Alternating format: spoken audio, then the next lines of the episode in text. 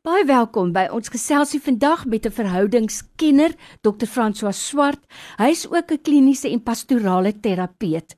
Ons wil jou help om lewe te kies elke keer. So Dr. François vir die tyd vandag weer baie baie dankie. Dankie Lorraine, is lekker om hier by jou te wees en hallo aan al die luisteraars.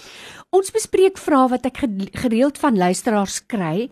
Hier sê iemand, ek is 'n pensionaris wat oor die algemeen gesond is, behalwe dat ek regtig sukkel om te slaap. Is daar raad? En dan 'n volgende een van ook 'n senior wat sê, ek is nou in my goue jare.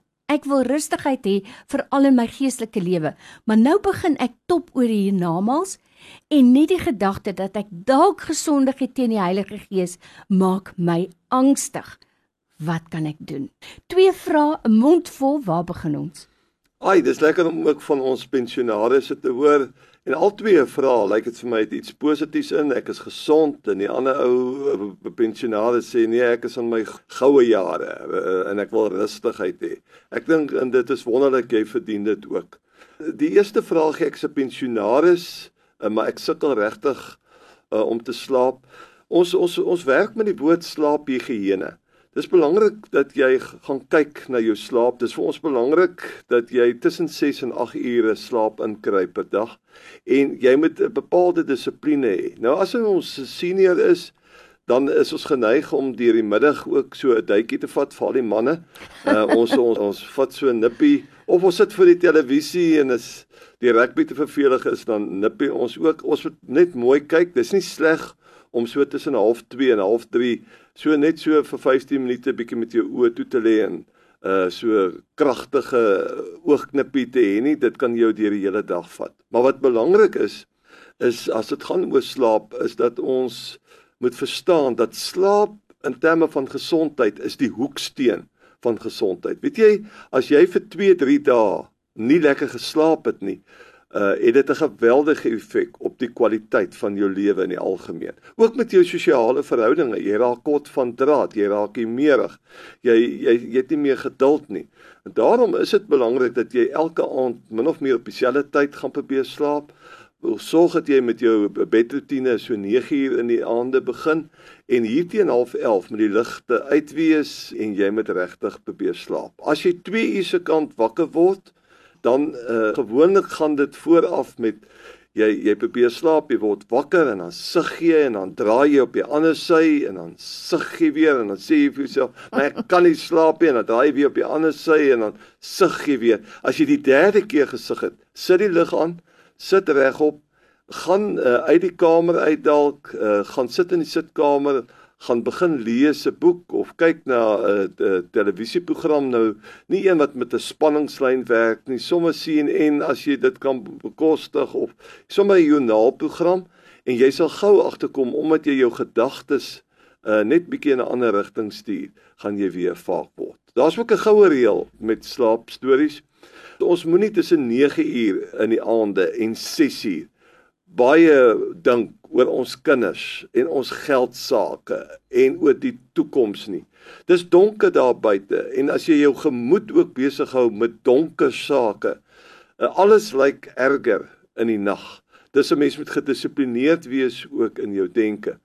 Wat verder vir 'n mens help uh, met die slaap is om uh, te probeer om te eet voor 7 ure in die aande en moenie vog inneem na 8 ure in die aande nie. Anders dan moet jy later in die nag moet jy weer opstaan. Uh dis dit is belangrik dat 'n mens ook kyk hoe jou dieet werk uh, en ook wat jy drink. Moenie direk voordat jy gaan slaap rooibos tee drink nie. Dan gaan jy verseker 2 uur moet opstaan.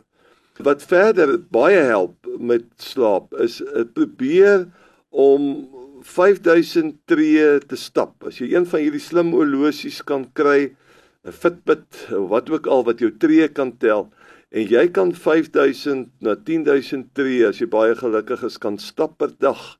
Dat daar 'n bietjie suurstof inkom dat jy bietjie Vitamiene D kry son skyn bietjie die oop lig en so aan. Dit alles help vir jou ook om by die tyd wat jy by jou slaaproetine kom is jy moeg uh, en dan kan jy lekker slaap. Ek hoop regtig dat hierdie luisteraar gaan van nou af lekker te slaap. As al hierdie goedes nie help nie, dan moet jy jou mediese praktisyn gaan sien en die kan vir jou ook help met 'n middeltjie, 'n slaappilletjie wat vir jou baie waardevol kan wees. Ons sien nie wat in die goue jare is en wat wonderlik is van hierdie vraag is dat jou geestelike lewe is vir jou belangrik. Die groot ding wat jy vir ons kom vra is ek top oor die hiernamaals en uh, dat ek dalk so gesondig het teen die Heilige Gees. Uh en dit maak my angstig. Net die feit dat jy top en bekommerd is of jy wandel in die weë van die Here is al klare aanduiding dat die Heilige Gees is met jou besig. Dis eintlik wonderlik. Dit dit is jou persoonlike verhouding wat jy met die Here het. Sonde teen die Heilige Gees is wanneer 'n mens moetswillig sê dat uh, jy weet Jesus is ons verlosser en ons redder. Maar jy draai om en jy begin vir jou vriende sê, "Wie ek wil vir jou eintlik kom sê Jesus is die Satan self." Dit is sonde teen die Heilige Gees. Dit is dis onvergeeflik want jy weet eintlik dit is nie so nie. En nou speel jy in die span van Satan wat wat wat die Here Jesus vandag wil maak. Maar waaroor dit hier gaan is in die hiernamaals is dat ek nie goed genoeg is nie, dat ek so veel sonde het en dat ek met sonde besig is wat so erg is dat ek die hiernamaals gaan mis.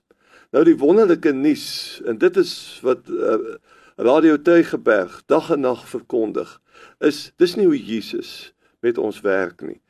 Aan die kruis het hy al ons sondes gedra. En elke keer wanneer jy begin top kan jy maar net dood eenvoudig weer dit op 'n stukkie papier skryf, op 'n klippie skryf, dit in 'n rivier gaan gooi.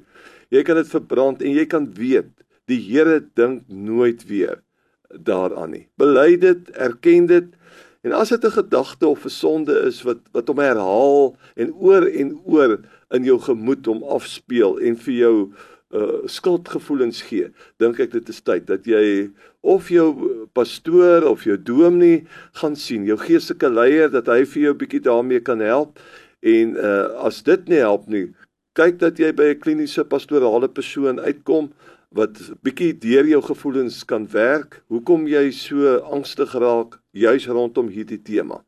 Maar ek dink ons moet afsluit met die goeie nuus dat Jesus met baie sagte oë na ons kyk dat die Vader baie lief is vir ons want so lief het die Vader die wêreld gehad dat hy 'n plan gehad het om sy seun vir ons te stuur en as ons na hom toe kom en ons kom sê ons kom bely ons sonde en ons ons wil naby hom lewe sien hy dit en sal hy vir ons die Heilige Gees gee om voluit te kan lewe om 'n keuse elke keer vir Christus en sy saak te maak vir hierdie seniors geniet julle tyd van aftrede. Geniet hierdie fase van julle lewe. Julle verdien dit. Dis 'n wonderlike tyd van julle lewe. Baie dankie. Dis Dr. François Swart. Hy's 'n verhoudingskenner en hy's ook kliniese en pastorale terapeut. Vir jou tyd vandag weer Dr. François. Baie dankie. Dankie Lorraine en sterkte groete vir al ons luisteraars.